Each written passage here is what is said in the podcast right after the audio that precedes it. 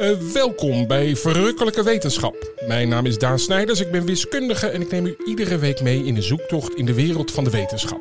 Eindelijk een podcast voor iedereen die ooit een keer waarom heeft geroepen. Een vrolijke podcast die afdaalt in de diepste spelonken op zoek naar al het moois dat wetenschap ons kan leren. Iedere week hebben we één vraag en één gast die ons hopelijk een stapje dichter bij de ultieme waarheid brengt.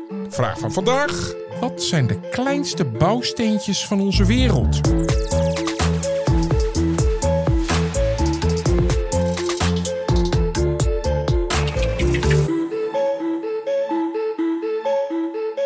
Om antwoord te geven op die vraag kom je uiteindelijk uit op elementaire deeltjes. Maar hoe werken die? Als alles uit dezelfde steentjes is opgebouwd, Marlijn, waarom is vuur dan heet en waarom is water dan nat?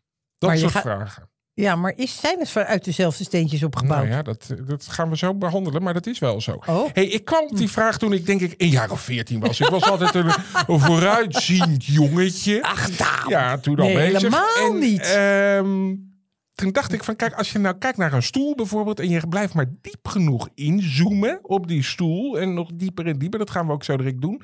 dan kom je uiteindelijk Ja. uit bij elektronen en bij eh, protonen... En die zijn eigenlijk voor elk materiaal hetzelfde. Ook voor jou, ook voor een regenworm, ook voor die stoel. Hoe kan dat? Hoe kan het doordat het gesorteerd is, dat het toch andere eigenschappen krijgt? Maar, en, en ik deed dat natuurlijk met mijn Lego erbij. Laten we wel ja, natuurlijk altijd je Lego. Altijd een Lego erbij, want die is ook uit dezelfde steentjes opgebouwd. En dan kan je wel degelijk een ruimteschip of een oude molen van maken. Ja. Ehm, Hm. dus kwam Nou. bij mij toen al, en dan hebben we het dus over 1987, de vraag: is ons hele leven alleen maar een verzameling van anders gerangschikte blokjes? ja hoor, op je veertiende heb ik heel veel van gemerkt dat je dat vro ja, vroeg. Hé Marlijn, eh, Sorry. weet jij van Ja. het onderzoek dat ze doen naar deeltjes, met de deeltjesversneller bijvoorbeeld? Oh, daar heb ik wel eens wat op de tv Vertel. over gezien. Nou, Ik ga even lekker ervoor zitten. Ik ben heel benieuwd wat voor verhaal dit wordt. nou, er komt helemaal geen verhaal. Want verder dan dat ik dat wel eens heb gezien. Ik snap dat helemaal niet. Dat zoeft dan daar in die, in die ruimte. Zoiets heb ik het idee. En volgens mij is die Zwitserland. Ja, onder andere, volgens mij ook half in Frankrijk, half in Zwitserland. Ja, Nou, en dat is het dan. Ja, ik kijk wanhopig Oké. naar de gast. Want Ja. ik vind het echt gênant dat ik dit allemaal moet bekennen. Maar we zullen daar, daar, daar, om- daar, daar komen we ook op, op die deeltjes. Want dat is eigenlijk de enige manier waarop we het echt kunnen zien wat we aannemen over die deeltjes. Over die allerkleinste deeltjes moet je iets heel groots bouwen om ze te kunnen zien. Dat is ook al fenomenaal. Tijd voor onze gast. Onze gast is Ivo, Ivo van Vulpen. Hij is onderzoeker deeltjesfysica bij de UvA Amsterdam. Eh, en NICEF, waar hij experimenten doet in de deeltjesversneller van CERN in Zwitserland. Dus je had gelijk, Zwitserland. Kijk, goed, goed en verder is hij ook nog bijzonder hoogleraar wetenschapscommunicatie bij de Universiteit Leiden. En auteur van het boek De Melodie van de Natuur. Wel- Wauw. welkom Ivo. Dankjewel, heerlijk om hier te zijn. Leuk. Ja, nou fijn. Heb je al dingen gehoord in ons voorgesprek waarvan je zegt, hmm, daar heb ik wel wat op te zeggen? Ja, ik voel een beetje de open vraag van wat doet een deeltjesversneller precies. Maar ja, we hebben de tijd om het erover te hebben. Dus vraag, Gelukkig. vraag wat je wil en eh, dan gaan Nou, we erachter. Dan begin ik toch eh, met, met- als 14-jarige eh, over die, die tafelpoot. Dat, die is van hout. Maar je kan inzoomen daarop. Dan kom je op een gegeven moment al snel bij moleculen. Ja, moleculen. En dan eh, uiteindelijk kom je, zeg maar, de, de, de basis daarvan, uiteindelijk kom je uit op atomen. Dus moleculen bestaan weer uit atomen. En eh, ja, jij kan de tafelpoten uit elkaar halen. Maar mensen hebben hetzelfde gedaan met een kopje koffie. En met water en met goud. Dus uiteindelijk hebben mensen steeds dat uit elkaar gepulkt. Om te kijken, wat is nou het kleinste stukje wat daar nou in verborgen zit.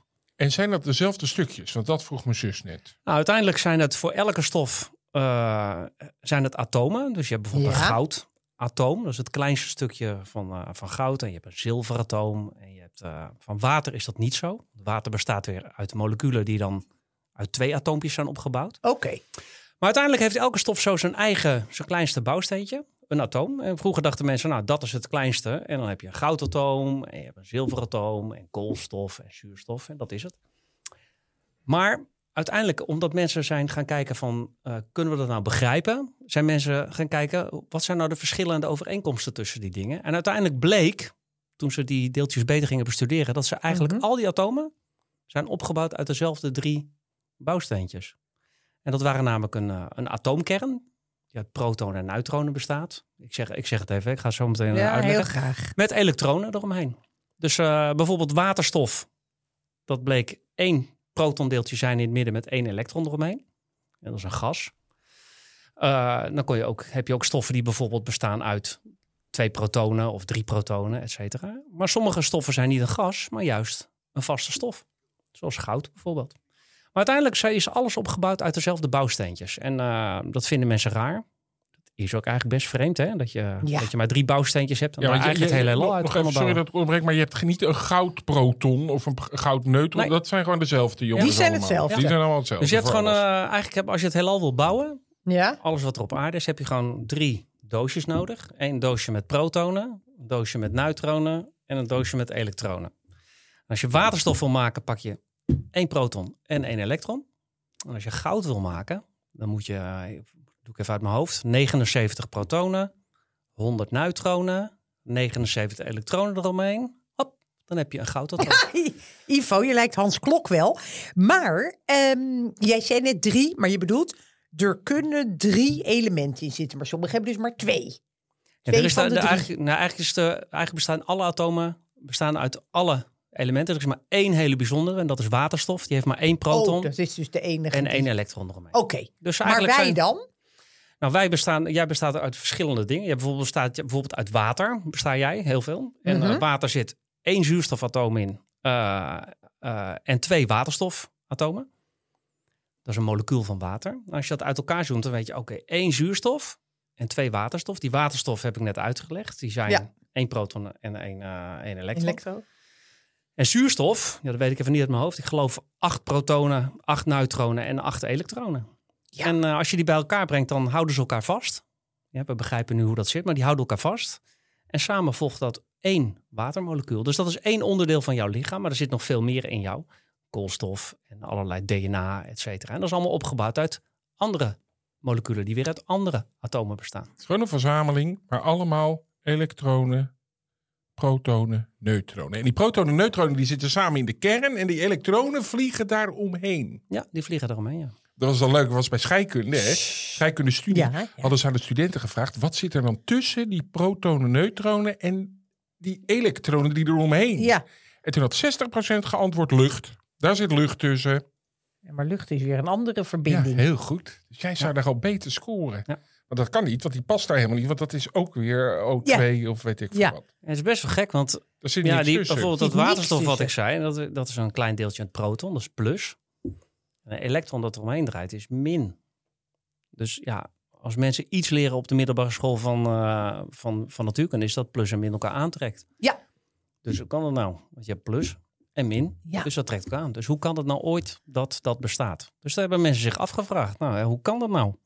Nou, precies dat soort vragen, dat is waardoor mensen steeds dieper doordringen. Hoe werkt het nou eigenlijk? en hoe we kan dat nou we- bestaan? We zijn nog veel te groot bezig wat mij betreft. Ja. Ik wil kleiner. Maar een atoom mag ik heel eventjes... Ik zie namelijk ineens Brussel voor me. Met Ja, dat dat is het atomium, heel goed. atomium. Dat is een Zo zout, ziet dat eruit. zoutmolecuul. Ja, zo ziet het eruit. Ja, dus al die bollen zijn dan zeg maar atomen. En die zitten aan elkaar vast. Die houden elkaar vast. En sommige verbindingen in de natuur, die houden elkaar heel makkelijk vast. En andere weer juist heel erg niet. En eh, ja, een aantal van die grote kennen. we. Bijvoorbeeld eh, water kennen we. Maar ook eh, ja, allerlei aminozuren en dat soort dingen. Het zijn allemaal verbindingen van individuele atomen. Ja. En dat, eh, ja, zo ziet het eruit inderdaad. Maar hebben wij dan nog één, Daan? Daarna ga ik eh, jou het woord geven. Hebben we dan duizenden soorten atomen in ons lichaam? Ja, Bij water één en bij koolstof iets Dat zijn anders. moleculen, hè? Oh, nee, dus uiteindelijk bestaan er maar, wat ik zei van die bouwsteentjes van waterstof Oh, ja. en zuurstof. Dat zijn er maar ongeveer 100. Oké. En eh, daar moet je het mee doen. Dus alle, alle puzzels die je wil maken, moet je uit die elementen moet je die, moet je die opbouwen. Ja, dat is dat schema, hoe heet het? Periodiek systeem Periodiek der systeem. elementen. Dat ken je wel, met links die edelgassen. Nee? Heb ik even laten zitten Nou in goed, mijn leven. dit, dit dachten wij honderden jaren dat dat de kleinste deeltjes waren, Ivo. Ja. En toen, neem ons even mee, toen bleek dus dat ook nog die atomen of die protonen en neutronen ook nog te splitsen zijn. Ja, uiteindelijk wil je, ja, je wil het niet. Misschien kan je denken, nou ja, oké, we weten het en het is prima. We hebben zo'n tabellenboekje met alle atomen. Boek dicht, klaar. Je hebt altijd mensen die denken, ja, hmm, hoe zit dat nou precies? Waar bestaat zo'n kern dan weer uit? En waar bestaat zo'n proton dan uit? Is dat dan een elementair deeltje? Of bestaat dat ook weer uit kleinere deeltjes? Dus mensen hebben hun best gedaan om die protonen ja. Ja. eigenlijk een soort kapot te schieten. Om te kijken, zit daar nou wat in? Weet je, net zoals je bijvoorbeeld als je wil weten of er in een... Als ik hier een klokje heb bij me en je wil weten, zit daar wat in? Weet je, ik zie die wekker werken. Hoe moet dat nou?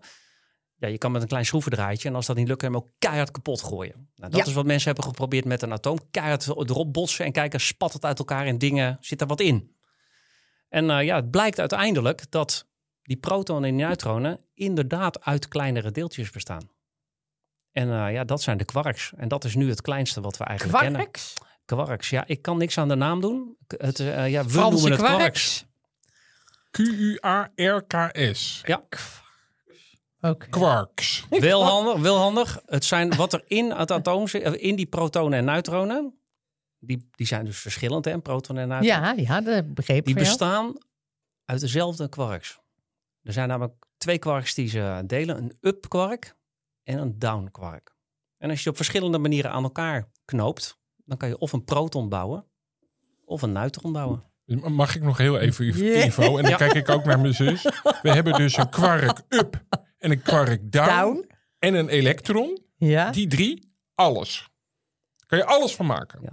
Ook de zon. De zon is er wat opgebouwd. Eh, een flesje bier, water, cola, eh, je haar, eh, alles. Alle vuur, Dus overal lucht. kwarks. Er zijn twee Up quarks. en down. Ja, twee quarks, daar kan je kerndeeltjes van maken. En dan doe je elektronen erbij en dan kan je atomen bouwen. En alles in het heelal is opgebouwd uit atomen. Dus kan je met die drie bouwstenen het hele heelal bouwen. En Het hele heelal, alles wat we kennen, Alles- bestaat maar uit drie bouwsteentjes.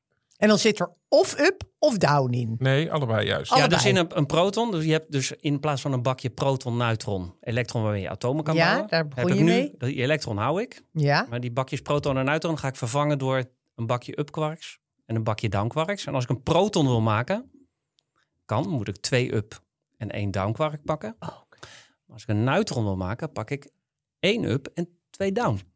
En zo kan ik eh, alles opbouwen. Wat mij toch wel opvalt bij elke Ja. keer bij zo'n gesprek, is dat ik die hele manier van onderzoek al zo. Wij, we komen uiteindelijk altijd over die resultaten te praten, maar eigenlijk snap ik dan al niet dat Ivo dan zegt. En dan gaan we dat kapot maken. Dat is natuurlijk allemaal heel klein en Ja, Ik maar ook die- gigantisch dat je dat bedenkt. En Ja. dat er dan vervolgens... Dat een dat machine je, bestaat waarin je dat nou, er kan. bestaat dat je die gaat bouwen Ja. met een groep gelijkgezienden. Misschien moeten we het daar ook een keer over hebben. De techniek kan achter. vandaag hoor. Ja. Als je dat Nou, wil. nou eh, de- we kijken even of we daar, want we hebben ook nog die versneller. Ja, ja dat, maar daar had ik het over. En dan zitten we lekker langs elkaar heen. Eh, Oh, daar- Ivo, eh, Ja. er komt, eh, ik zit heel even aan de, aan de waterstofbom en de atoombom te denken. Daar komen dus enorme krachten als je dat gaat splijten. Zoals jij net die wekker op de, op de grond gooide, die Ja. klok. Dan komt er enorm veel kracht vrij. Ja, er zit in de atoomkern zit enorm veel energie. Dus die protonen en neutronen die ik zei, die Mhm. zitten bij elkaar. Maar die hebben enorm veel energie in zich. Dus als je die uit elkaar trekt, komt er enorm veel energie bij vrij. Of als je ze bij elkaar doet. Dat ligt er maar net aan eh, welke atoom je, atoom je doet. En ja, de eerste keer dat mensen dat zagen, zagen ze... oh jee, er zit zoveel energie in dat kleine atoomkerntje verborgen. En toen begrepen mensen bijvoorbeeld voor het eerst... hoe het kon dat de zon brandt. Ja, Ja, dus 100 jaar geleden wist niemand hoe de zon brandde. Ja, dus alle astronomen, niemand wist het. Ook Albert Einstein niet, die de relativiteitstheorie maakte. Niemand wist dat. En waarom niet? Omdat de oplossing van die vraag hoe brandt de zon eigenlijk verborgen lag in ja, de krachten die in die atoomkern zaten. Ja, en die zijn pas in de jaren 20 en 30 zijn die ontdekt.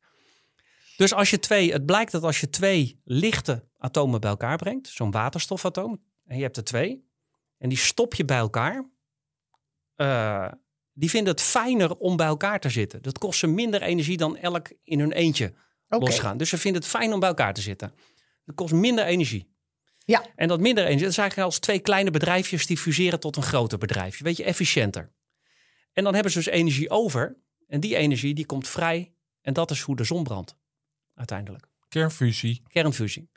Aan de andere kant is het dus, dat is dus kernfusie. Dat is hoe de zon brandt. Maar Ja. het blijkt ook dat, zeg maar, je kent hele grote bedrijven, die worden log en groot. En soms is het dan voor grote bedrijven veel efficiënter om te splitsen. In tweeën. Daar komt dan ook energie bij vrij. Weet je, allemaal efficiënter en nieuw en frisser. Mhm. Hele grote atomen, die kan je ook uit elkaar laten splitsen. Dus die kan je zeg maar opbreken in twee kleinere brokstukjes. En daar komt ook energie bij vrij. Die zijn dan oh, heerlijk, eindelijk even uit elkaar. De- En er komt ook energie bij vrij. En dat is kernsplijting. En dat is wat er in een kerncentrale gebeurt. Het plutonium bijvoorbeeld, dat is een van de zwaarste. Ja, dus in kernsplitsing... Nou, ik praat gewoon lekker met die van mee. In een kern ik ga die kant van de best. tafel zitten. Ik Nee, dus, eh, eh, ja. het- Laat het mij blijkt- maar alleen. Het blijkt heel veel dat er heel veel energie in zit. En die kan je voor goede dingen gebruiken. En maar die kan je ook voor slechte dingen gebruiken. Dus eh, ja, zo'n kernsplijting, dat kennen we als eh, in een kerncentrale om energie op te wekken. Ja. Maar dat is ook de plek waarom je bijvoorbeeld een, een atoombom kan maken. Ja. De kernfusie, Ja. dat gebeurt dus in de zon. Dus dan eh, weet je, daar kunnen we energie bij doen. Dat is mooi. Maar het probleem is om die dingen bij elkaar te brengen. Omdat ze allebei plus geladen zijn, is het heel moeilijk om ze bij elkaar te brengen. En dat, dat gebeurt dus pas bij een paar miljoen graden Celsius. Dus midden in de zon kan dat. Oh. Maar op aarde is dat dus heel moeilijk om dat voor elkaar te krijgen. Maar als het je lukt, dan levert het je energie op. Maar en er is dat een, iemand gelukt? nou, het is- daar zijn mensen dus heel druk mee bezig, omdat dat een oneindige bron is van energie eigenlijk. Eh, en net als we op CERN aan het werk zijn, zijn er ook wetenschappers bezig in Frankrijk. Dat heet het ITER-project.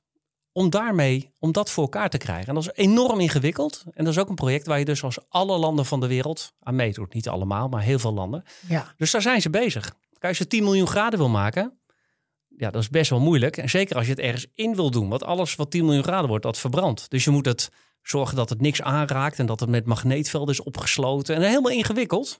Maar er zijn wel mensen mee bezig om dat voor elkaar te krijgen. En dat gebeurt niet de komende 20 jaar. Maar dat zijn dus die wetenschappers die al verder vooruit denken. En die denken, hé, hey, dat is een slimme truc. Misschien dat we dat als mensheid kunnen gebruiken om schone energie mee op te wekken.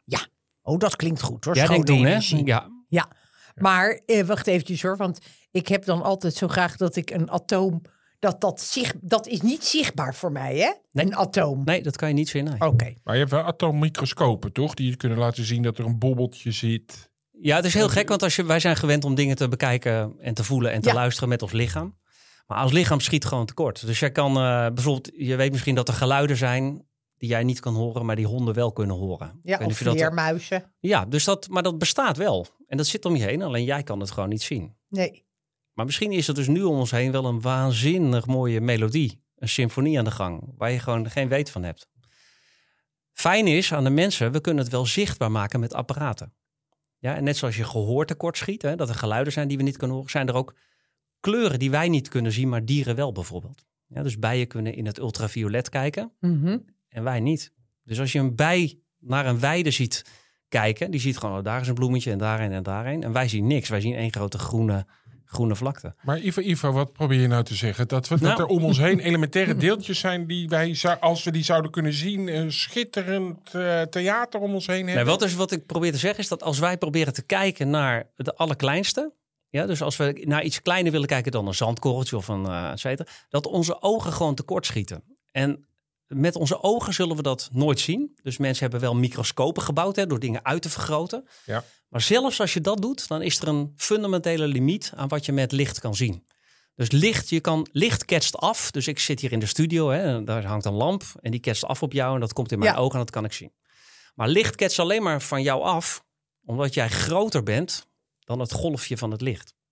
Als jij kleiner was dan het golfje van het licht, dan zag het licht jou niet. Die ging gewoon dwars door heen. En die kleine dingetjes die wij willen bekijken, die zijn kleiner dan het golfje van het licht. Dus je kan nooit met licht die kleine dingen bekijken. Maar we hebben wel hersens, dus we hebben wel een truc verzonnen om toch door te dringen tot die wereld van het allerkleinste. Nou, laten we dat, dat dus even stap voor stap gaan doen. Zeker. Gelukkig kan ik geen, want als je lucht zou kunnen zien, dan kan ik jou niet meer zien. Dan, dan Nee. zie ik dat daartussen. Daar kan ik gelukkig doorheen kijken door lucht. Ja. Ja. Nou noemde jij net, Daan, heel eventjes Ja, eh, elementaire deeltjes. Maar dat liet je dan zo even vallen. Maar waar, wat, daar hebben is, we het nu de, de afgelopen Ja. 20 minuten over. maar wat is dat dan precies? Nou, de, ja. eh, de, de allerkleinste deeltjes waar we het eigenlijk. Ik denk dat wij die, die, die, Die up en down quarks. Dat we dat Quarks. wel ele- elementaire deeltjes mogen noemen. Ja, toch? zeker. Want Ja. dat is het allerkleinste wat we nu weten. Dus dat noemen we dan nu elementair. Ik ben zo bang dat we dan nog iets kleiners vinden. Tuurlijk. Ja, de ene, ja, je zou kunnen denken, ja, vervelend. Aan de andere kant is dat mooi. En misschien is er maar één elementair deeltje wat daar weer onder ligt, bijvoorbeeld. Dat zou Ja. mooi zijn. Oké, Ivo, neem ons eventjes mee in die grote ronde tunnel van 27 kilometer lang. Want Ja. zo groot is hij. We gaan het nu over die versneller hebben. Ja, dit is de introductie op de versneller. Eh, in, eh, dat heet CERN. Ja. Dat is het instituut. Ja. Dat heb ik ergens opgeschreven. Het is een hele mooie Franse naam. Conseil Oh. Européen pour la recherche nucléaire. Très bien. Dat is altijd leuk. Zullen we gewoon vanaf nu Frans praten? Ja, français, c'est bon. Daar zit ons allez. vast heel erg op te wachten. Ehm, en dat ding is ongelooflijk groot, omdat we het allerkleinste willen zien. Ja. Hoezo? Hoezo? Ja, dat begrijp ik heel goed. Hoezo? Dat vereist een heel klein beetje een introductie. Ja. Dus ik ga eerst een één stapje terug en dan ga ik twee stapjes vooruit en dan komen we uit op de deeltjesversneller. Goed zo, Ivo. Dus eerste is de truc die we hadden verzonnen. Ik vertelde net dat je, hoe kan je nou dingen bekijken die je niet meer met licht kan bekijken? Dat is het allerkleinste. Hoe doe je dat nou? Nou, en dat, eigenlijk komt het erop neer op hoe kan je dingen nou bekijken eh, zonder je ogen te gebruiken. Dus hoe zou je dat doen? Dus een van de dingen die je kan doen is als je ogen dicht doet en je wil iets bekijken hoe iets eruit ziet, is je vingers gebruiken. Hè? Ja. Dat, dat, is een, dat is een manier om te doen. Maar dat is een beetje een, eh, dat, een- dat, dat kan ook niet met kleine dingen. Hè? Dat snap ik. Nee. Ehm, ja, de truc die we hebben verzonnen is eigenlijk eh, best wel voor te stellen. Het is natuurlijk voor de radio, dus ik moet het even uitleggen. Zeg maar, we zitten aan een, aan een tafel en stel nou dat ik midden tussen ons op die tafel zet ik een voorwerp neer met een Mhm. klein gordijntje eromheen. Ja. Dus jij kan niet zien wat er achter dat gordijntje. Oké. Ik ga je wel vragen, wat zit erachter? En ja, je kan het niet zien. En wat ik jou geef is 100 kleine kogeltjes. Dus jij kan, jij kan een bakje met kogeltjes van mij en jij kan over de tafel, één voor één, die kogeltjes over de tafel heen schieten. Die rollen onder dat gordijntje door en die ketsen af van het ding dat daar zit. Ah, dan krijg je wat En- info. En door de manier waarop ze afketsen, moet jij vertellen wat voor een object daarachter zit. Ja, Ja. dus stel nou eens dat jij alles op dat voorwerp afschiet. En ze rollen allemaal aan de andere kant gewoon door over de tafel. En ze rollen zo van de tafel af. Wat denk jij dan dat er achter dat gordijntje staat? Dus je schiet het onder het gordijntje door. En ze rollen gewoon Ze verder. rollen gewoon verder. Nou, niks. Ja, niks bijvoorbeeld, ja. Ja. Stel nou dat je er iets onderdoor schiet en ze ketsen allemaal naar rechts. Wat dan? Nou, dan denk ik dat er iets zit met een hoekje, waardoor ze naar rechts gaan. Goed, ja, bijvoorbeeld, een, bijvoorbeeld een plankje of zo. Wat, Ja. wat, eh, en hoe zou je nou kunnen zien, is dat een plankje, gewoon echt een plankje? Of is dat nou zo'n soort, soort driehoekje? Zeg maar een soort, eh, eh, hoe, zo, hoe zou je erachter kunnen Ja, komen? ik zou denken dat het een driehoek is, maar dan de driehoek neergezet op de tafel. Ik begrijp wat je bedoelt. Maar het Ja. kan ook gewoon een, gewoon een plankje zijn. Gewoon een dun, Ja. dun plank. Hoe zou je erachter komen? Nou, door vanuit andere hoeken. Ja, ja, supergoed. je kan zo Ineens stijg. Jij, Ja? nou, jij gaat Ja, heel daar goed. ga ik, Nou, daar dit, ga is, ik. dit is precies, Dat is het dit enige is de ze nou precies de doen. manier. Maar, dus dit is nog makkelijk. Ja. Maar nu, ga, Dank je. maar, nu ga ik, maar nu ga ik je. Dit is wel het principe. Dus wat ik nu ga zeggen is: stel dat ik achter dat dingetje twee dingen ga doen. Ik zeg: het is één van twee dingen.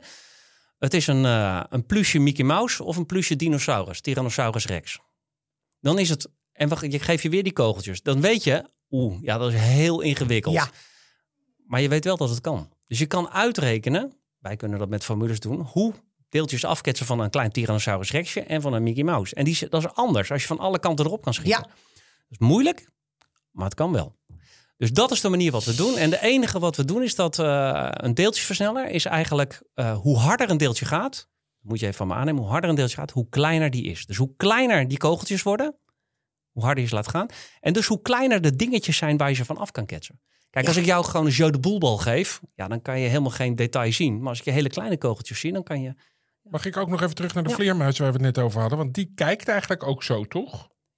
Ja, dus de, ja, de vleermuis eh, stuurt een klein Die deeltje af, een golfje, een golfje. En die kijkt wat er terugkomt en wat niet. Ja. En hij weet ook welke kant hij op gaat en met, eh, of En die van hem af beweegt of niet.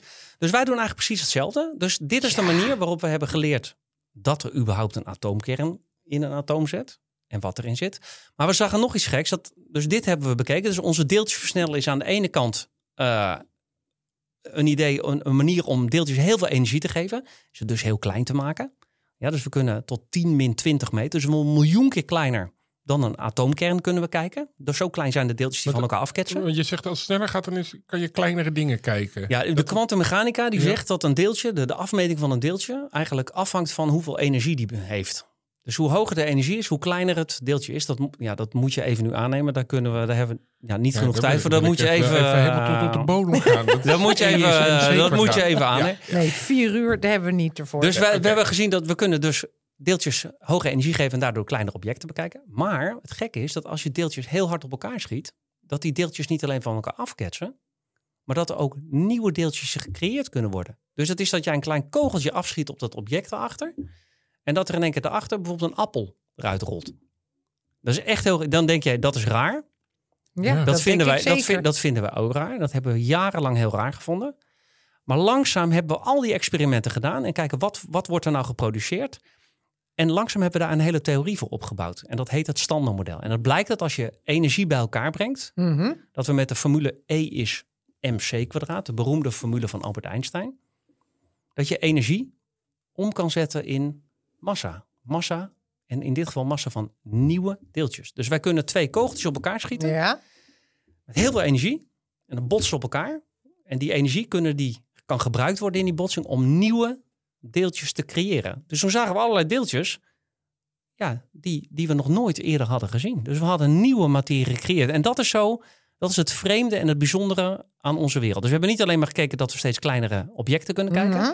Maar in die wereld van het allerkleinste blijkt allerlei dingen verborgen te zitten die we daarvoor absoluut niet wisten. En dan wil ik nog even Maar dat terug. zijn nog steeds Ja, kwark. ja, dat, dat, hè, dat zijn weer up en down en elektronen Oké, nog steeds. oké. Nee, dan blijf Toch? ik bij de ja, er zeker. En ook, eh, ja, ook ja, dat, dat zou je denken. Hè? Up quark, down quark en elektronen. Ja.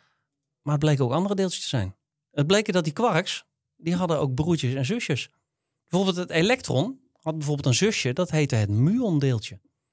En dat is precies hetzelfde als het elektrondeeltje, maar dan 200 keer, of, eh 200 keer zo zwaar. En hij leeft maar een miljoenste seconde. Dus dat hadden we nog nooit gezien. Dus je ziet in een botsing, je schiet eh, deeltjes op elkaar en in één keer zie je een nieuw deeltje.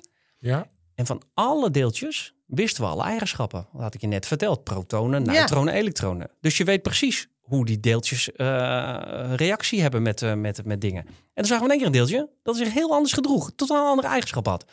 Dus iedereen dacht, huh, wat is dat dan? Want dat, dat deeltje was niet nodig om het heelal te begrijpen. Want ik had net verteld, die drie Ja. deeltjes, daar had je het hele heelal mee. Dus Ja. wat, wat is dit ding dan? En eigenlijk is het niet zo duidelijk waar dat voor nodig is. Maar het bestaat wel. Dus de elementaire deeltjes zijn niet alleen maar de up- en de downkant en het elektron, wat je nodig hebt om het heelal op te bouwen. Maar elk van die deeltjes heeft ook een broertje en een zusje. Maar die En- komen dus alleen naar buiten kijken als je heel hard erop uh, op afknalt. Dus je kan- ik zie een soort, soort uh, twee auto's die tegen elkaar botsen en waar een vonkenregen vanaf Ja, komt. en dat komt, die worden dus alleen maar gemaakt goed als je dus even heel veel energie bij elkaar brengt. En dat gebeurt eigenlijk nergens in het heelal. Alleen maar in zo'n deeltje versnellen. En als je ze maakt, stel dat je ergens in het heelal maakt, ze leven ook maar een miljoenste of een miljardste van een seconde. Dus zelfs als ze ergens gemaakt worden in het heelal, leven ze maar super kort.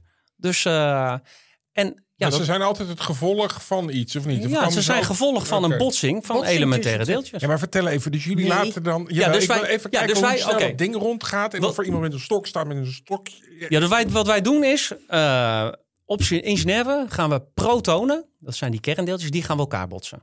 Dat, dat, is, eh, dat is het doel van wat, wat we doen. quarks. Nou, eigenlijk zit er in die protonen zitten weer up- en down quarks. Ja. Dus eigenlijk Ja, botsen we die quarks op elkaar. Maar we die protonen, die, eh, die laten we rondvliegen. We hebben eigenlijk een, een, een eh, hoe noem je dat? Zo'n gasflesje, weet je, waar je ook eh, gewoon een, een klein gasflesje. Een kampeerding. kampeer, ja, maar Ja. net iets groter, maar het scheelt niet veel. En daar komt gewoon gas uit, waterstofgas. En dat gaan we versnellen. Op een gegeven moment dus dan trekken we de, dat is een proton en een elektron. Dat elektron trekken we er vanaf, op de een of andere manier. Ja, met een, met een soort magneet of zo, die trekken we eraf met een elektrisch veld. En dan hebben we een proton over en die, die gaan we versnellen.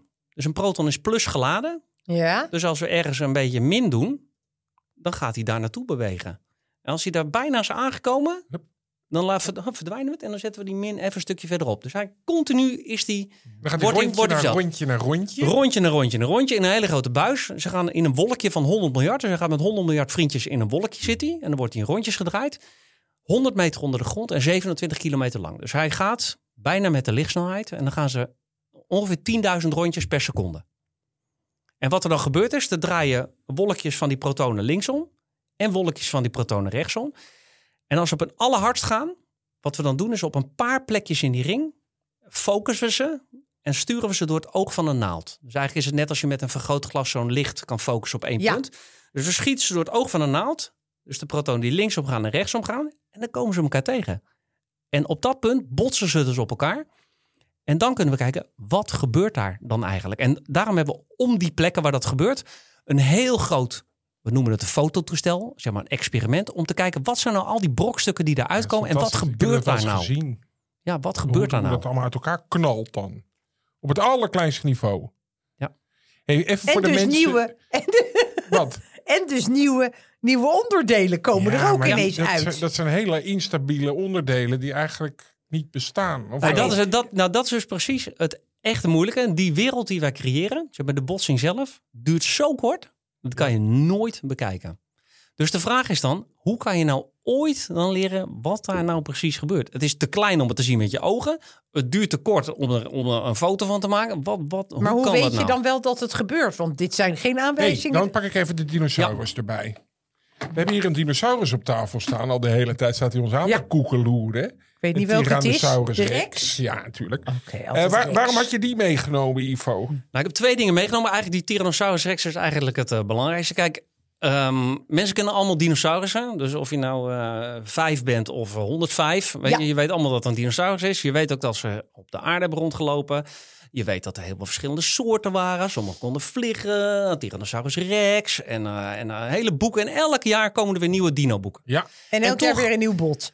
En, Ja. en, en plaatjes eh, verzamelen. Ja, en toch is, heeft niemand ooit een dinosaurus gezien. Ja, dus die wereld waar we het over hebben is 65 miljoen jaar geleden verdwenen. En toch praten mensen erover of ze het gewoon of ze erin rond kunnen lopen. Ja. En dat is raar.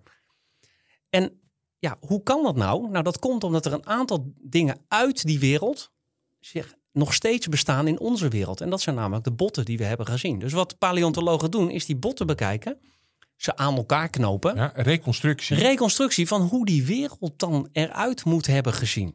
Weet je? En, en ja, dat is een truc ja, die wij ook gebruiken. Dus wij doen hetzelfde. Dus die, onze wereld is, leeft maar heel kort, hè, die botsing. Mhm. Dus eh, die zal dan weer verdwenen.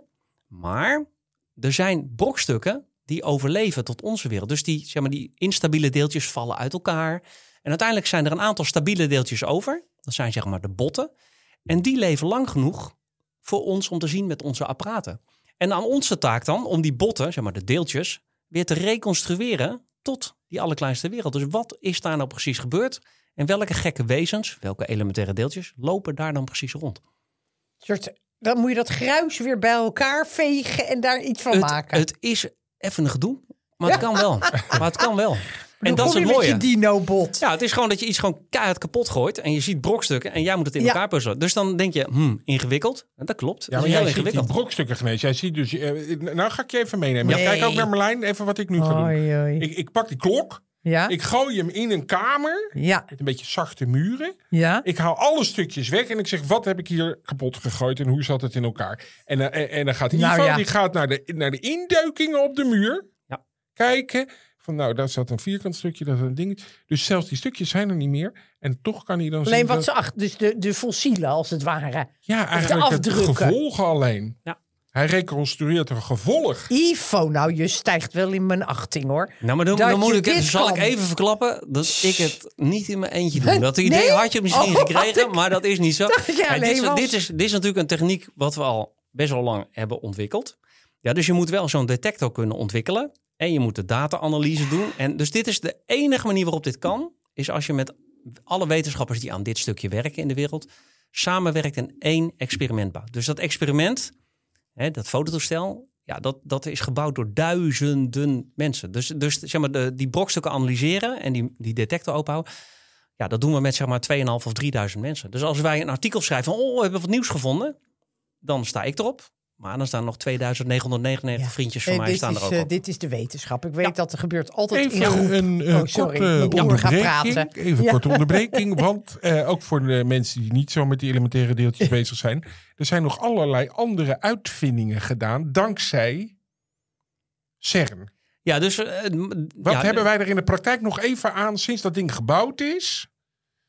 Aan die versneller? Aan die versneller. Volgens mij hebben wij internet eraan te danken. Best fijn, hè, toch? Of niet? Ja. Ben je daar... eh, ben- ja, dat kan, Nou, ja, jullie hoeven, niet, jullie hoeven niet te gaan klappen, maar dat is toch best wel lekker. best, wel, best wel fijn. Chapeau. Chapeau. Dat, is, dat komt daar vandaan. Hè? Ja, en er zijn, er zijn dus... Om door te dringen in die wereld... moet je nieuwe dingen uitvinden. Ja, dus het gaat ons niet om de uitvindingen, de nieuwe technieken... maar gewoon omdat we in die wereld kunnen doordringen. Maar die uitvindingen, die zijn heel fijn... want die kan je ook gebruiken in de rest van de wereld, zeg maar. Ja, Dus, eh, en, en er zijn, ik bedoel, je kan moeilijk zeggen van de dingen die we nu ontwikkelen, daar ga je wat aan hebben. Maar je kan wel een heel klein beetje terugkijken. En dan kan je denken, oké, al die dingen, die, dat hele pad dat jullie hebben gevolgd, Mhm. heb je er nou wat aan?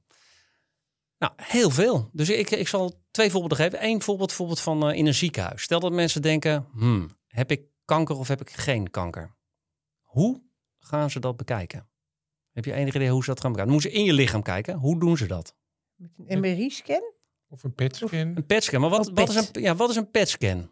Weet je hoe dat werkt? Nee. Een PET-scan is, ik zal, ik zal het even, dat is best wel gek. Dan gaan ze een radioactieve stof in je lichaam spuiten. Ja, die gaat in je bloed en die, die gaat dan naar de plek waar veel energie verbruikt wordt. Dus ze stoppen het, die radioactieve stof aan een soort eh, suikermolecuul en die gaat dan naar je lichaam toe, naar de plek waar kanker zit. En daar zit hij en daar gaat hij eh, radioactieve straling uitzenden.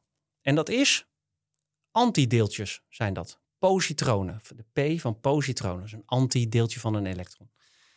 En die komt daar vrij en die denkt, oh jeetje mine, wat zitten er veel elektronen omheen. Wat is midden in je lichaam? Ja. En als een antideeltje op een deeltje botst, dan komen er twee lichtflitsjes vrij.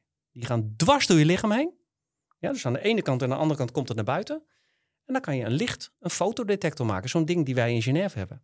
En als je dus twee lichtdeeltjes ziet, dan weet je dat ergens op die lijn daartussen, daar zat Zit dat. Zat, en als je dat dan, ja, die dingen worden driedimensionaal eh, doen. En dan kan je precies zien waar kanker in je lichaam zit.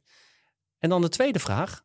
Dus dat is met gebruik van antimaterie en detectietechnieken die we in Genève hebben gebruikt. En Ja. tweede is, als je dan kanker hebt, dan word je bestraald. Ja. Waarmee? Weet je waarmee? Met, radioactieve stralen? Ja, je mag gewoon... gewoon Nee, het, geeft, het geeft niet. Hè? Het is niet, het is niet mijn bedoeling om je in de val te lokken. Maar veel mensen. Nee, maar veel, Sorry, veel ik- mensen. Ik, hield me ook heel stil hoor. Brian. Nee, maar dus veel mensen Ja. weten het niet. En dat is ook helemaal niet erg. Maar die worden bijvoorbeeld met gammastralen gedaan. En die gammastralen, die, worden gema- die komen uit een apparaatje. Maar die komen niet zomaar uit een apparaatje. Die worden gemaakt met behulp van een deeltjesversneller. Dus het, in het OLVG hier zit gewoon een deeltjesversneller. En zonder deeltjesversneller kan je niet bestralen. Dus dat zijn allemaal uitvindingen die gemaakt worden... die voortkomen uit natuurkundig onderzoek, fundamenteel onderzoek. Ja. En zo'n Ja. straling, ik weet niet of je dat wel eens gezien hebt, dat is heel schadelijk voor je als je bestraald wordt. Ja. Want het, gaat, het is een soort bulldozer die dwars door je Ja, heen gaat. mensen en, hebben ook eh, zo'n pakje aan ja. als die er werken. Ja, ja, als de, En ja. het moet ook helemaal getekend worden waar precies het Ja. moet. En bijvoorbeeld, eh, ja, ik noem het als je een röntgenfoto maakt, dan gaat de dokter altijd weg. Hè? Ja. Ik weet niet, ja, dat is geen goed teken als de dokter Nee, weg is. of je mag een lode vestje dragen. Maar zou het niet mooi zijn als je zeg maar een beter fototoestel hebt? Want dan hoef je minder straling te geven aan mensen. Dus die betere fototoestellen maken, ja, dat is eh, onze core business zeg maar om te doen. Dus op heel veel manieren komt zo die deeltjesversneller terug. Want ik zei net van die straling van kanker, dat is gewoon, dat gebeurt met gammastralen en dat is heel slecht voor je. Bijvoorbeeld als je een tumor hebt vlak bij je ruggenmerg of zo, dan kan je eigenlijk niet bestraald worden. Want dan, ja, dan maak je alles achter kapot, maak je die ruggenmerg kapot. Maar er is een, ook een andere techniek. In plaats van met gammastralen bestralen, zou je ook met protonen kunnen bestralen. De deeltjes die wij in Genève gebruiken. En het fijne is aan die deeltjes, die gaan ook dwars door je lichaam heen. Maar die gaan heel zachtjes door je lichaam heen. Zeg maar, die laten bijna geen energie na. En die remmen langzaam af. En als ze helemaal stilstaan, pats, dan laten ze al hun energie los. Zoals jij mij vertelt, die tumor zit drie centimeter diep. Dan kan, Precies kan ik precies uitrekenen, daar gaat het gebeuren. En daarna nul. Dus daarna hebben ze geen energie. En dit soort dingen gebeuren. En sterker nog, dat gebeuren in andere landen. En ook in Nederland zijn er nu een aantal consortia bezig. eh, om dat zeg maar, te gebruiken. En sterker nog, in Nederland, in Delft, vlakbij het Reactorinstituut. Ik ben daar laatst geweest. eh, heb je zo'n faciliteit. Dus dat bestaat al in Nederland. Maar dat is allemaal met Ja, deeltjesversnellers. hij, hij, hij steekt zijn arm in de lucht. En, gelijk heeft hij, Ivo. Ja. Eh, ik wil nu nog even twee dingen Ja. bij elkaar brengen op mijn manier. Ja, zeker. Twee deeltjes. Namelijk aan, ja, ja ik, dacht, ik, dacht, ik gooi hem er nu in. Ehm, namelijk aan de ene kant zo'n de eigenschappen van iets. Van waarom is water nat of waarom is Ja. vuur. Eh, en die kleine deeltjes die we zien. Zit er in die kleine boodschappers al wat het uiteindelijke Nee, ja, dat, dat, vorm en oh, oh, waar, waar zit dat? Nee, ik begrijp, ik, begrijp, ik begrijp wat je bedoelt. Want Ja. Dat is best wel ingewikkeld. Want dat is op een andere schaal dan wij als deeltjesvisie zien. Maar het is best een goede vraag dat je zegt... waarom is bijvoorbeeld glas doorzichtig en Ja. een tafel niet doorzichtig? Nou, dat is omdat er een bepaalde eigenschappen zijn... waarin bijvoorbeeld de atomen zich rangschikken in bepaalde stoffen. Ja, dus dat is niet iets wat heel mysterieus is. Dat begrijpen we wel. Ja. Maar dat is wel een hele goede vraag die mensen hebben. Hoe kan het nou dat hout niet doorzichtig is en glas wel? En dat hebben langzaam hebben dat leren begrijpen als natuur. Maar dat zit niet echt verborgen in de allerkleinste. Oké, die- Dat is meer in de structuur in van de, manier waarop zich... eh, grote- hoe- ja. hoe Maar ook of iets leeft of niet. Want dat vind ik zo griezelig. Daar hebben we het al een keer over gehad, Merlijn. Ja, dat weet ik. Maar dat, die, dat we allemaal van die kleine... Nee, wij zijn gewoon, eh, ja, weet je, stenen uit kleine brokstukjes, uit die drie bouwsteentjes. En wij ook. Maar wij Ja, zijn wel anders dan die raar. Hey, en neutrino's. Ja, daar hebben we het niet Neutrino's? over gehad. Ja, dat zijn een beetje de troublemakers van... eh, ik heb, Neutrino's, mag ik heel even, Ja. die zijn zo klein, ja, dat, dat ze, ze komen dan, constant komen ze vanaf de zon hier naartoe en die raken helemaal niks. Zo klein zijn ze. Die gaan dwars door de aarde heen. Helemaal niks. Ge- Die, die zijn te klein om ook maar een atoom te raken. Ook gaan die nu door jou heen. Dus ze maken hele bakken water hè? En, en dan Ja. af en toe eh, toevallig eentje die daar iets raakt. Maar normaal gaan ze overal doorheen. Ja, dus als neutrino's, dat zijn deeltjes, daar hebben we het niet over gehad. Nee. Maar eh, elk deeltje heeft zo zijn Neutrino's. eigenschappen. En een neutrino is iets, ja, dat is een beetje een gekkie. Dus we- ik vertelde net, het bestaat uit drie deeltjes. Maar in die familie is er één, één zwart schaap, zeg maar, in de familie. Dat is het neutrino. En dat gaat eigenlijk, dat is zo licht, dat gaat eigenlijk overal dwars doorheen. Dus die kan je ook eigenlijk niet, niet zo die botst maar heel af en toe. Zeg maar, die kan dwars door de aarde heen zonder iets te merken. Dus de enige manier om die te vangen, is als je, je kan je zeg maar een bakje water hier pakken en dan wachten tot die ooit één keer in de duizend jaar eh, erop eh, botst. Wat je ook kan doen, is dat je denkt, nou, ik kan wel dat kleine bakje water doen, maar als ik dat bakje water nou eens zeg heel groot maak, dan gebeurt het vaker. En dat doen ze. Dus er zijn detectoren, bijvoorbeeld in hele grote zoutmijnen hebben ze hele grote vaten. En collega's van mij op het NICEF, die zijn nu bezig met een experiment op de bodem van de Middellandse Zee. Dus die hebben op de bodem van de Middellandse Zee zijn ze fototoestellen aan het maken in een grote kubus, allemaal lijnen in, in het water. Die zijn een paar honderd meter lang. En er zitten allemaal fototoestellen aan. En dat wordt uiteindelijk een kubieke kilometer groot op de bodem van de Middellandse Zee. Hè? En daardoor kunnen ze allerlei neutrino's bestuderen. En je denkt, wat een gedoe. Ja, nou En wat en, eh, ja, dan- dan- dan- ik, ik, ik dacht, eh, je hoort het hier bij Verrukkelijke Wetenschap. Dat dacht ik. Zeker. Ik dacht, dat- wat een gedoe. En, en dat is het ook. Dus om dit voor elkaar te krijgen, ik is vind, onwaarschijnlijk. ik vind ook dat je soms je grenzen moet kennen. En gewoon moet denken, dat laten we dan maar even... Ja, Dat maar we we dat hebben niet net over weten. behandeling van kanker gehad, lieverd.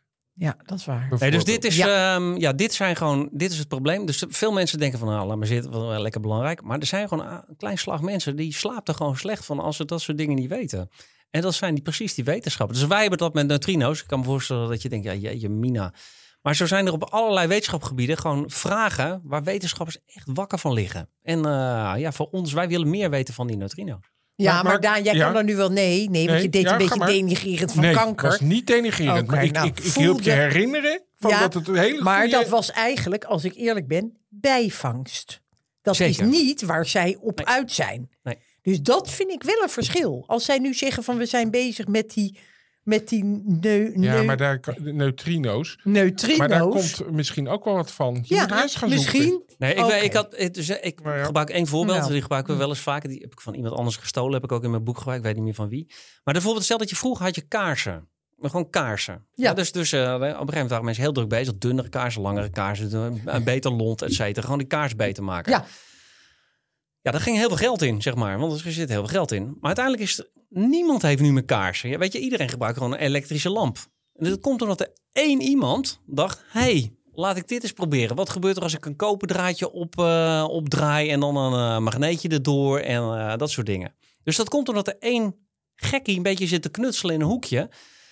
En als je alleen maar op die kaars was gaan, gaan focussen, was er nooit een elektrische lamp gekomen. Weet je, dus je moet gewoon ruimte maken. Tenminste, je moet niet. Maar het is fijn als je ruimte maakt voor mensen om af en toe wat heel nieuws te proberen. Ja. Anders blijf je alleen maar in datzelfde Out of the box paadje denken. Dus je hebt helemaal gelijk. Hè? Het is allemaal bijvangst van wetenschappelijk onderzoek. Aan de andere kant, als je op zoek gaat naar dit soort oplossingen, dan vind je het waarschijnlijk nooit. Nee. Weet je, en dat is ook heel ingewikkeld. Zeg maar, maar nog eventjes. Nou. Want, want we hadden die up, we hadden die down en we hadden die elektron. Hè? Dat hebben we onthouden. Dan Ja. die neutrino, die komt een beetje... Je hoort erbij. Ja, Die hoort daar ook nog Die bij eigenlijk, maar die komt niet op aarde voor. Ja, die komt wel op aarde voor, maar dat, die is dus niet gebruikt om, eh, om atomen op te bouwen. Die, heb je eigenlijk, die komt af en toe vrij als een atoom uit elkaar valt of bij elkaar. Maar die hebt er geen last van. Een Want dat was beetje waar je het net ook over had. Eh, Toen ze tegen elkaar botsten, waar je ook allerlei... ja, maar die, was, ja, maar die komen ook vrij. Maar die kan je dus niet zien. Die komen ook vrij en die kan je niet zien. En die waren er niet voordat ze botsten. Dat zeg je ook nog. Ja. Maar wij kunnen wel bijvoorbeeld zien. Dat is ongelooflijk. Hoe hè? zouden wij nou kunnen zien dat er toch eentje eentje gemaakt En is. door alles daar bij elkaar en dat je iets mist. Ja, dat is het, ja. Dat doen we. Ja, zie je? Heel Dus, goed. eh, Maar het- het kan Oh, ook zijn, trots kan ook, zijn- aap, Daan? maar het kan ook zijn dat een Leuk. stukje van je detector het niet doet. Dat hij altijd ja, uitstaat. dan, kom je, dan denk je dat, eh, dat hij sneller dan het licht is gegaan. Dan komen we zo direct op. Ja, nee, maar dus je moet Dat dachten ze op een gegeven moment, dat hij iets sneller dan het licht was gegaan. Toch? ja, niet, niet, eh, ja, niet op CERN, maar inderdaad in een experiment wat Beams gebruikte uit Genève. En dan sorry. schoot ze naar, eh, naar een plek in, eh, in eh, Italië, de- onder de grond door. En uiteindelijk bleek dat daar gewoon toch een fout in het experiment zat. Want dat kan niet, Marlijn. Sneller dan het licht, want dan kan je in het verleden reizen. Daar hebben we het al een keer over gehad. Ja. Hey, eh, ja, dit zijn een beetje de losse vlodders. Komen we we nu bij. komen de losse Nee, vlodders. we gaan Ja, de bring it on. Ja. En, en de, de, de Nee. belangrijkste Ja. losse vlodder, Marlijn, Moet dat nog? dat, ja? dat is heel belangrijk. Dat is het Oh. Higgs-deeltje. Daar hebben we het nog helemaal niet over gehad. Oeh, ja. Dat is een fantastisch verhaal. We nou, waar hebben we het over? We hebben het over massa. Dingen zijn zwaar of licht. Ja, een olifant is zwaar en eh, lucht is licht. Ja. Waar komt die massa vandaan? Dat zit niet in die quarks. ja, de quarks hebben een klein beetje massa. Ja, En de vraag is, en net als een elektron heeft ook massa. ja. Uh, dus dan zou je denken, nou, dat is gewoon zo. Maar je kan de deeltjes in de theorie die we hebben, kan je de deeltjes niet zomaar massa geven. Dat, dat, dat mag niet van de, van de wiskunde in de theorie. Dus dan kan je twee dingen doen. Je kan denken, jeetje mina, eh, de theorie werkt niet. Of je kan denken, nou kunnen we toch niet iets verzinnen waarin we deeltjes toch massa kunnen geven in die mooie wiskundige beschrijving die we hebben. En er is één iemand, meneer Higgs, zal je niet verbazen, Ja. die had een idee. Die zei van, jij mag die mooie wiskundige structuur houden. En je mag zelfs deeltjes massa geven. Maar, één straf, een prijs die je moet betalen, is dat er in het heelal nog een deeltje verborgen moet zitten. En die zou je moeten kunnen maken met een deeltjesversneller. En dat is het Higgs-deeltje. En weet jij wanneer die dat ver- verzon? Ja, ik geloof 1964 of 1965, zoiets. 65? Maar Daan, dit, dit gaat me echt boven de pet. Nee, dit is een fantastisch verhaal, Marlijn. Oh ja, nou ja. Hij verzint dat in 1965. Maar hij voorzien dus als het... Ja, nee, dat vind ik allemaal hartstikke dat leuk klopt voor die man. niet. Dat klopt iets niet in de vergelijking. Dus hij zegt er moet nog een deeltje Maar waarom zijn. klopt dat niet in die Nee, vergelijking? nou ja, dat heeft met wiskunde te maken. Maar de, de, Oh, de beschrijving zegt van eh, de- aan één kant ontbreekt iets. Er, een missing part. Ja, dus of de som klopt niet. Nee. zegt, nou gaan we daarvan uit. Of er is nog een deeltje wat we nog niet kennen. En die zorgt ervoor dat de balans weer klopt. En Want het was uiteindelijk, mag ik het heel even proberen, heel simpel. Uiteindelijk was er een som waarvan de uitkomst niet klopte. Ja, we hebben eigenlijk Dus je moest er nog een keer, keer twee of keer drie ja, of plus Higgs of plus deeltje. x deeltje moest er nog bij. Om Ja. een sommetje goed te Ja, we krijgen. hebben eigenlijk gewoon een puzzel. Want Die puzzel is heel mooi, maar ontbreekt één stukje van de Ja, puzzel. Best wel jammer. Dus je weet dat er een puzzelstukje ontbreekt. Ja. En dat puzzelstukje, daar waren we naar op zoek. En dat was massa, dat is dus gewicht, of, of kan ja, ik het hoe, niet zo ja, zeggen? hoe deeltjes gewicht krijgen, ja. ja. Ja. en dat was meneer Hicks. Meneer Hicks zei, ik weet, ik heb een idee. Maar er zijn natuurlijk honderd andere mensen die een idee hadden. Maar meneer Hicks had het bij het juiste eind. Hij zei, ik heb een idee. Er is iets in het heelal, in elke kubieke meter. Dat bevindt zich, kan je niet zien, niet ruiken, niet voelen, niet proeven. Lekker makkelijk voorspellen, denk je dan? Lekker makkelijk voorspellen. mevrouw Hicks ben ik vanaf morgen. Maar hij zei, als je zeg maar, genoeg energie bij elkaar brengt, dan moet je het bewijs kunnen vinden voor het bestaan van dat veld, zo noemde hij het. En dat betekent, in een deeltjesversneller moet je in al die brokstukken die je kan maken en al die duizenden processen die kunnen gebeuren, Mhm. moet je naast alle deeltjes die je kent ook mijn deeltje, dat nieuwe deeltje zien. Ja. En dat heeft heel lang geduurd voordat we daar genoeg energie voor hadden en voordat we genoeg precisie hadden om met z'n allen het bewijs daarvan aan te tonen. En dat is gewoon in, dat is precies tien jaar geleden is dat eh, gebeurd. Dus toen is voor het eerst 2012. eh, Dus hij, 2012. hij heeft het nog net meegemaakt om, om, om het ook, dat, dat hij dat, dat daar dus 60 jaar daarvoor bedacht had. En toen werd er aangetoond van ja, verdomme, je had gelijk. Ja. Dat deeltje bestaat. En toen leefde die nog. Hij leeft nog steeds. Ja, hij leeft nog steeds. Hij leeft nog steeds. Hij is 90. Nou, dan ben je toch nog wel trots, hè? Nobelprijs dit jaar erop. Oh, dat scheelt. Krijg je nog een leuk prijsje. Ja. Jee. Maar wat hij eigenlijk, en dan moet je me tegenhouden als het Ja. niet klopt. Maar wat hij eigenlijk zei is dus dat er overal die deeltjes zijn. Ja? En die houden als het ware dingen tegen. Dus die zorgen dat, dat, dat sommige dingen door stroop gaan. Terwijl andere dingen door eigenlijk bijna vacuüm gaan. En dus, dus massa is eigenlijk niks anders dan dat die Higgs-deeltjes iets tegenhouden. Hoe vind je dat? Ja, het is een beetje, vaak, vaak wordt het uitgelegd met behulp van water. Mijn collega's die, eh, ja, die willen liefst Klopt studio net? Binnen. Het is Van, allemaal Ja, nee, eh, het klopt- het klopt elkaar zeker. Leuk hoor, dat dit. jij het weet. Maar en vaak wordt het gedaan met water. En dan Mhm. de collega's die willen natuurlijk vreselijk als ik het doe, maar ik ga het toch doen. In water. Ja. Ehm, een vis kan wel heel makkelijk door water. Maar wij niet. Nee. Weet je, dus een vis is dan licht, die kan er makkelijk doorheen. En wij voelen water steeds als een weerstand. En wij zijn dus de zware deeltjes. Dus waarom sommige deeltjes wel makkelijk door het water kunnen, door het Higgsveld en andere niet, totaal onbegrepen. Ja, dus even voor de duidelijkheid. Dus we weten nu dat er zoiets als wa- water is. om ons heen is. Ja, Maar waarom de ene er makkelijker doorheen gaat dan de ander? Absoluut geen idee. Dat is de en, en de volgende. ene gaat bijvoorbeeld een miljoen keer makkelijker er doorheen dan de ander. Zoals Ja. licht. Is dat nou toeval? Of zit er wat achter? Dat is wel grappig, hè? Dus dat we eigenlijk de hele tijd binnen een grid werken. Voel je wat ik bedoel, of niet, Marlijn? nou, eh, beeld nog even uit. Bedoel, bedoel je? Nou, ik bedoel dus dat als iets zwaar is, dat hij dus eigenlijk als het ware wordt tegengehouden door iets wat we niet zien. Ja. En als het licht is, valt hij er zo doorheen. Ja. En we Nu- hebben eh, constant allemaal deeltjes die dwars door ons heen schieten, waarvan we niks weten. We hebben het nog niet over antimaterie gehad. Nee. Dat moet ook nog Maar eigenlijk. hoeveel procent denk je dat we weten, Ivo, van al die elementaire Nou, kijk, ik, er zijn twee manieren om het te doen. Eén is dat ik zeg van, eh, ik vertel net, ja, het hele lab bestaat uit drie deeltjes. En we hebben al die Ja. eh, andere deeltjes, het standaardmodel. Dus we hebben een heel mooi boekje gemaakt. Dat heet het standaardmodel. Daar staan alle deeltjes in. En hoe ze met elkaar praten. Dus hoe ze van elkaar afstoten en elkaar aantrekken. Dat is het goede verhaal. Het vervelende is dat we ook collega's hebben van astronomie. En die zeggen, ja Ivo, voor elke kilo die je begrijpt in het heelal... van sterren, planeten, gaswolken... is er vier kilo die we niet begrijpen. Ja, dus er is massa in het Ja. heelal. Dus je begrijpt maar 20% van alle massa in het heelal. En die andere 80% die is niet opgebouwd uit dingen die jij in jouw kleine boekje hebt staan. Oei, Dus wat oei, is dat nou? Dus je kan heel arrogant doen. Eh, aan de andere kant is er een heel groot ding wat we niet begrijpen. En dat noemen we donkere materie. Ja, we weten niet wat het is. Dat voel je al een beetje in die naam, donkere materie. En er zijn heel veel experimenten, heel veel collega's van mij. En wij ook in de deeltjesversneller. Op zoek naar, wat kan dat nou zijn? Want dat is gewoon, zeg maar, de elephant in the room. Die, dat begrijpen we niet. En dat, eh, ja, dat keeps us awake at night.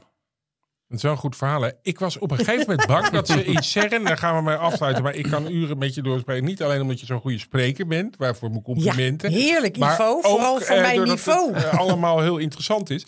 Ehm, dat er een zwart gat gemaakt zou worden in CERN. En dat het de hele aarde zou opslokken. Is dat een gevaar? Ja, Marlijn. Dat, dat schijnt, als je, het, als je het tegen elkaar knotst, dat je ook een zwart gat kan maken. Nee, het is. Het is ehm, ja, ik het ligt aan hoe. Dat is, dat is. Het idee was dat je. Er zijn allerlei theorieën van. ehm, bedacht. Kijk, er zijn allerlei vragen waarom deeltjes massa hebben en, eh, en eh, waarom ze ene meer massa heeft dan de ander. Dus er zijn allemaal theoriecollega's die allemaal theorieën bedenken. En één eh, klasse van theorie was dat er inderdaad extra ruimtedimensies bestaan. Daar kunnen we het zo over hebben. Maar in bepaalde gevallen zou je dan een mini zwart gat kunnen maken. Wat dan weer gelijk zou verdampen. Dus het zou nooit de aarde opeten. Oh, Maar dat was wel fascinerend. En eigenlijk is het. Ja, het is eigenlijk wel een mooie. Het is wel echt heel mooi en fascinerend om even over na te denken. Dus als je bijvoorbeeld een, eh, een tafel hebt, hè, de tafel waar we nu aan zitten. En je hebt een kleine mier. Die loopt over dat tafelblad. Mhm. Stel dat je de tafel. Die mier kan niet omhoog en naar beneden. hè. Die, ziet alleen maar, die kan alleen maar naar links en naar rechts lopen. Die kan niet omhoog en omlaag natuurlijk. Stel dat die tafel ietsje schuin staat. Dan weet hij. hm, als ik die kant op loop, is het moeilijker dan dat ik die kant op loop. Maar hij weet niet waarom. Want hij ziet alleen maar dat tafelblad. Maar jij weet het wel. Jij weet namelijk omdat die Ja, ik heb het overzicht. Jij hebt het overzicht. Maar hij niet.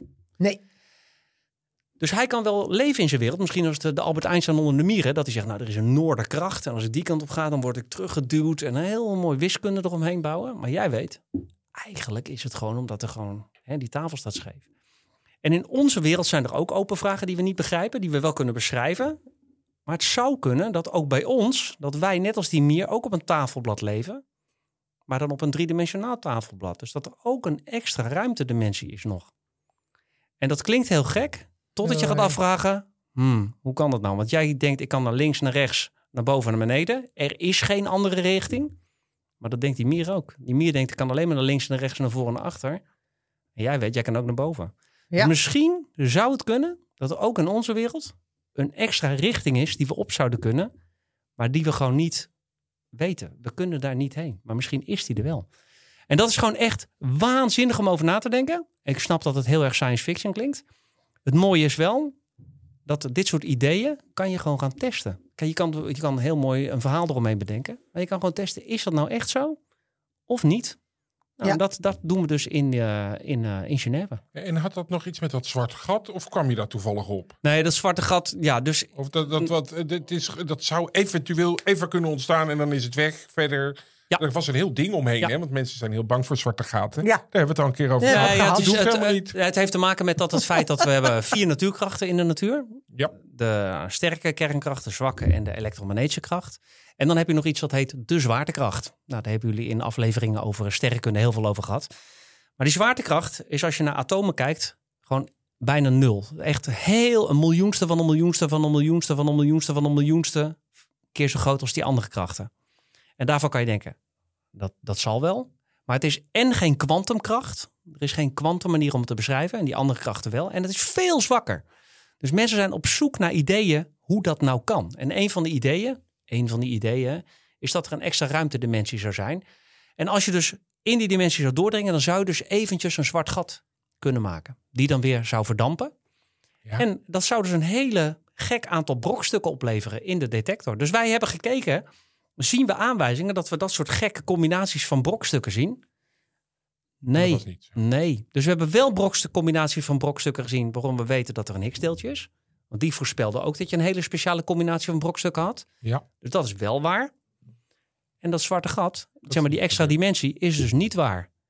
Naar, naar Spider-Man in de multiverse gekeken. Ja. Dat leek heel echt. Ach, kom jij weer met je films? Ja. Nee, maar gaat, elke film gaat tegenwoordig over een multiverse. Ik wil nog eventjes, Marlijn. Nee, Daan. Wat is er? Nou, ik wil graag dat Ivo een keer terugkomt. Ik heb het Ja, nog nooit oké, gevraagd. maar er zijn Maar heel veel Ivo, je mensen- hebt ja. ook andere onderwerpen waar we nog heel Ja, lang... Het is, Maar er zijn heel zijn veel mensen. Ja, Altijd. Ik heb heel veel collega's, hè? Dus Ja, ik heb eh, echt, we hebben, dus Oh. misschien maar leuk ik wil even, omdat mensen vaak ook s'avonds dit luisteren, vlak voor naar het bed gaan, dat je nog even, Ivo, vertelt voor iedereen die wil gaan slapen, Ja.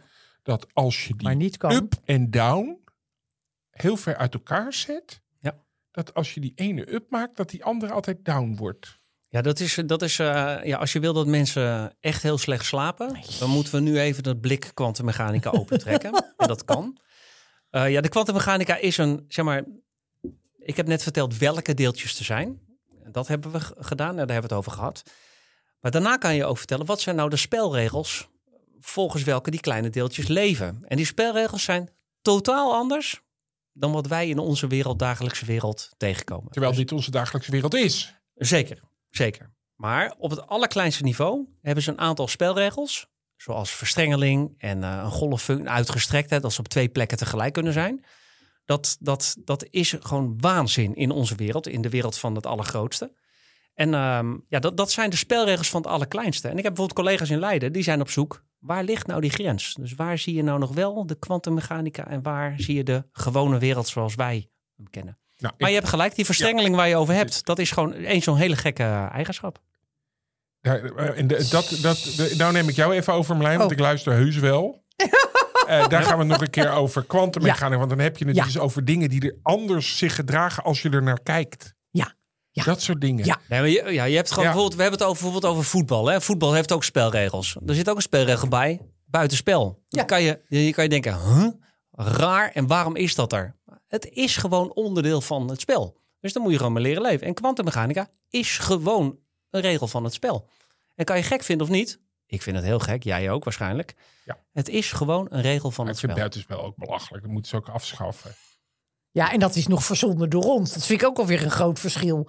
Dat, Ja. dat kwantummechanica, dat is niet, daar hebben wij geen eh, hand in. Nee, maar wie dan wel? Nou, dat ik.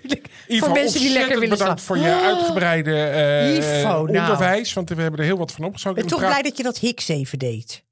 Ja, nou ja, goed. Ik heb een draaiboek, hè. hey, eh, wij praten nog even na. Marlijn, Wij. Wij, oh ja. Wij praten ja. nog even Ja, na. ik zit helemaal in de kwantummechanica. Wat ik zo fascinerend vind, als ik even als eerste mag, is dat al die allerkleinste dingen alleen maar kunnen gemeten worden op gigantische schaal. Ja. Vind je dat ook niet raar? Ja. Je denkt, je gaat op met een eh, microscoop en dan steeds kleiner, kleiner. Maar je moet dingen dus van 27 kilometer. Ivo had het over de eh, eh, eh, 10 kubieke kilometer, of weet ik veel wat. Of 1 kubieke kilometer op de eh, bodem van de eh, Middellandse Zee. Om iets te meten, om een heel klein deeltje te meten. Ja, die instrument, maar dat is natuurlijk ook. Het instrument wordt steeds groter om iets te Iets bekijken wat steeds, wat steeds kleiner is. Maar ik had wel verwacht bij zoiets dat ik wist niet dat die snelheid zo'n eh, zo'n rol zou Nee, spelen om nee. het te identificeren. En om het te laten botsen en dat soort dingen. Dat snap ik nu wel. Ja, en dat er dan ook deeltjes uitkomen die er niet Waar- waren. die er zoals niet waren. een appel en dan achter dat gordijntje van meteen je. weer zijn verdwenen En dan. meteen weer zijn verdwenen. Zoals het Higgs-deeltje, waar die man gelukkig nog Ja. steeds van kan genieten. Dat dat Ach, ontdekt is. Dat is toch wel geweldig. Marlijn, waar kunnen de mensen op reageren? Dat is verrukkelijke wetenschap. kortimedia.nl Kortie met een C. Of abonneer u op de verrukkelijke, Dit is elke, ik zie het aan je gezicht. Ja, ga maar. op, verrukkelijke podcast. nee, dat is het niet. We hebben een verrukkelijk abonnement op uw platform naar keuze. Ach, we hebben Nee, wel pas- abonneren. Pas 330 gehad, maakt het uit. En, en, en we hebben weer een afspraak staan met Ivo van Vulpen. Ja. Nog een keer. Of een collega van hem, die die ook aanraden. In ieder geval, volgende week ook weer een gast. En eh, hopelijk tot dan. Zeker.